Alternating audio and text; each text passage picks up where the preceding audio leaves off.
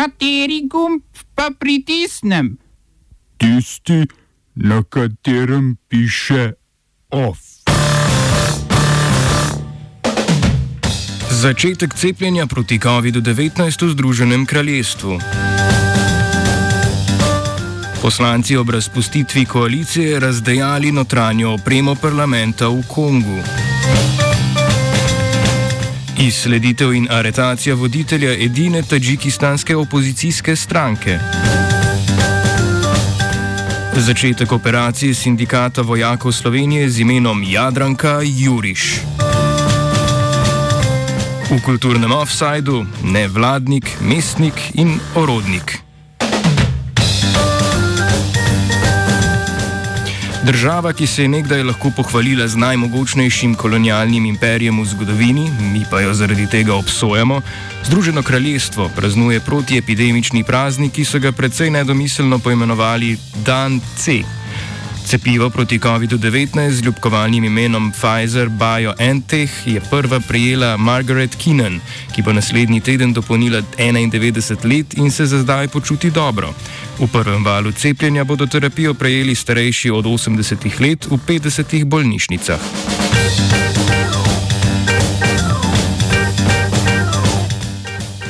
Državni poslanci Demokratične republike Kongo so razdejali in polomili notranjo opremo zgradbe parlamenta. Do prevračanja miz in klopi je prišlo po napovedi predsednika države Feliksa Čisekedija o razpustitvi vladajoče koalicije in možnosti predčasnih volitev, če sklic nove koalicije ne bo uspel. Najbolj so se razburili člani največje koalicijske ljudske stranke za rekonstrukcijo in demokracijo pod vodstvom premijeja Silvestra Ilunge. Člani dosedanje koalicije očitke o razbijanju parlamenta zavračajo in divjanje pripisujejo prav članom Čisekedijeve zveze za demokracijo in družbeni napredek. Čisekedi je sicer predsedniško funkcijo prevzel januarja lani, ko se je po skoraj dveh desetletjih končal mandat Josefa Kabile iz Ljudske stranke za rekonstrukcijo in demokracijo. Zaradi političnega zastoja, ki ga je povzročila zamenjava oblasti, je Varnostni svet Organizacije Združenih narodov v okviru misije MONUSCO s 15 tisoč vojaki poostril nadzor nad dogajanjem, da bi preprečili morebitne oborožene spore.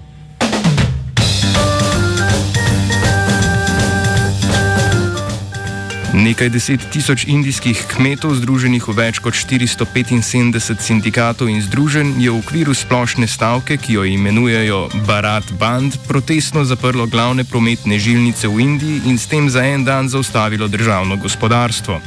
Kljub petim poskusom do dogovora med kmetijskimi združenji, sindikati in vlado o treh septembrskih kmetijskih zakonih ni prišlo.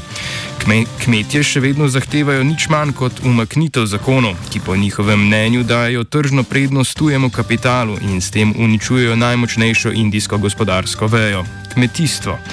Vladna stranka Baratija Džanata seveda zakone upravičuje z jim zeleno neoliberalistično puhlico o ugodnejših tržnih pogojih, ki bodo v deželo pripeljali razvoj.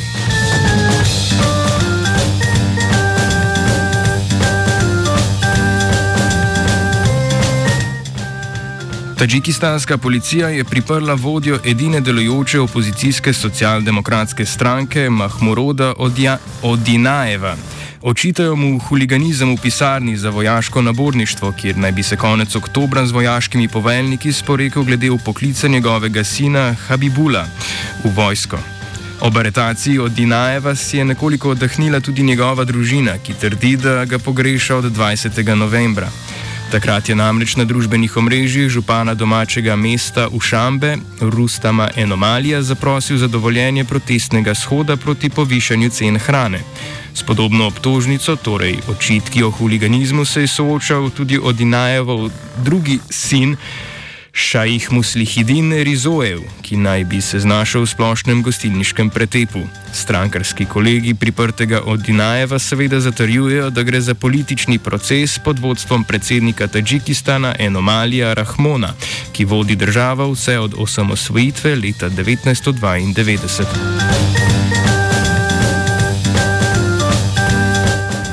Hrvaška vlada demantira Dnevni hrvaški mediji so včeraj sporočili, da je vlada oziroma predsednik vlade Andrej Plenković v njenem imenu odpustila pet strokovnjakov iz vladnega znanstvenega sveta. Vladna služba za odnose z javnostmi zagotavlja, da ni šlo za odpoved, temveč so petim znanstvenikom sporočili, da bi bilo nadaljne sodelovanje nesmiselno. Zamerili so jim namreč, ko so se v nedeljo podpisali pod poziv državljanom, ki opisuje slabe razmere v državi glede epidemije in jim svetuje, kako postopati. Popolnoma politično dejanje so odprto pismo opisali v vladi. Oba, če, če bom odgovoril na angliški. Slovenija will try to help.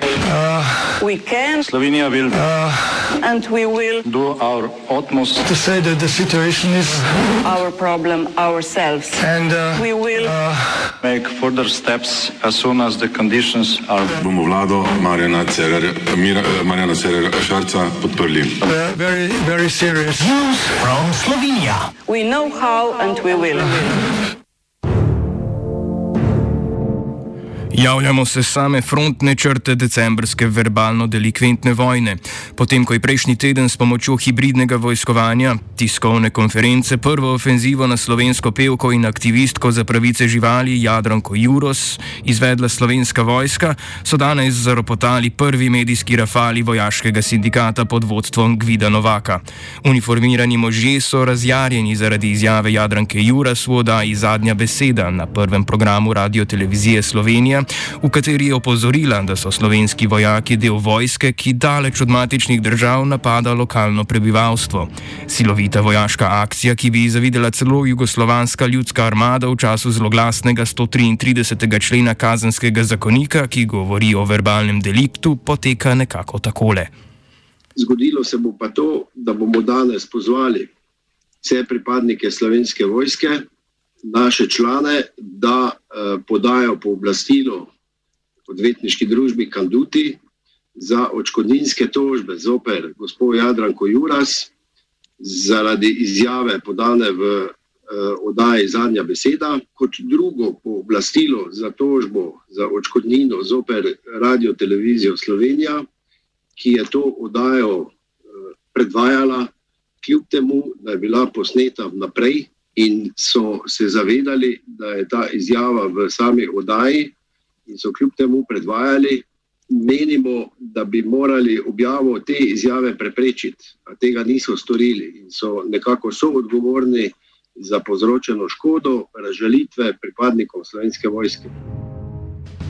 Predsednik sindikata vojakov Slovenije Gvido Novak nadaljuje s poročilom o žrtvah verbalnega delikta.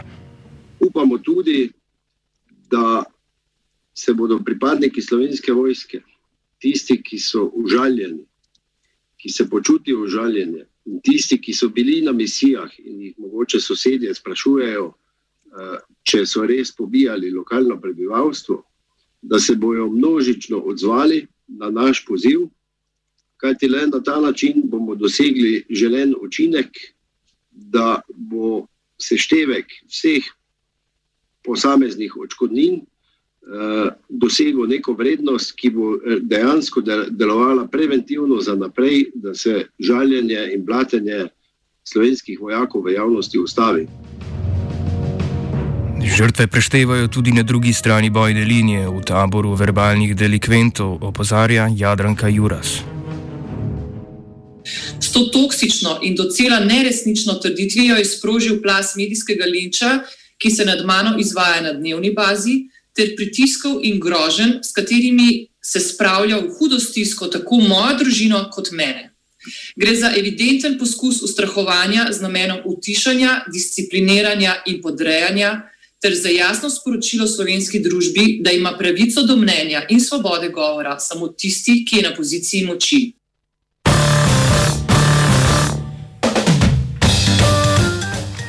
Boj, ne boj, mesarsko klanje pa se nadaljuje na področju občinske politike Rogaške Slatine, kjer se je danes zjutraj odprlo predčasno volišče za referendum o gradni faličnega stolpa Kristal.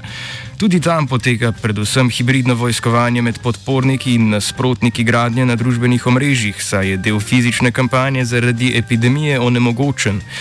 To pa po mnenju župana Branka Kidriča in tudi ustavnega sodišča ni dovolj močan razlog za pre prestavitev ljudskega odločanja. Večjo gostoto ljudi na enem mestu lahko pričakujemo predvsem v nedeljo, ko bo potekal redni del referendumskega glasovanja.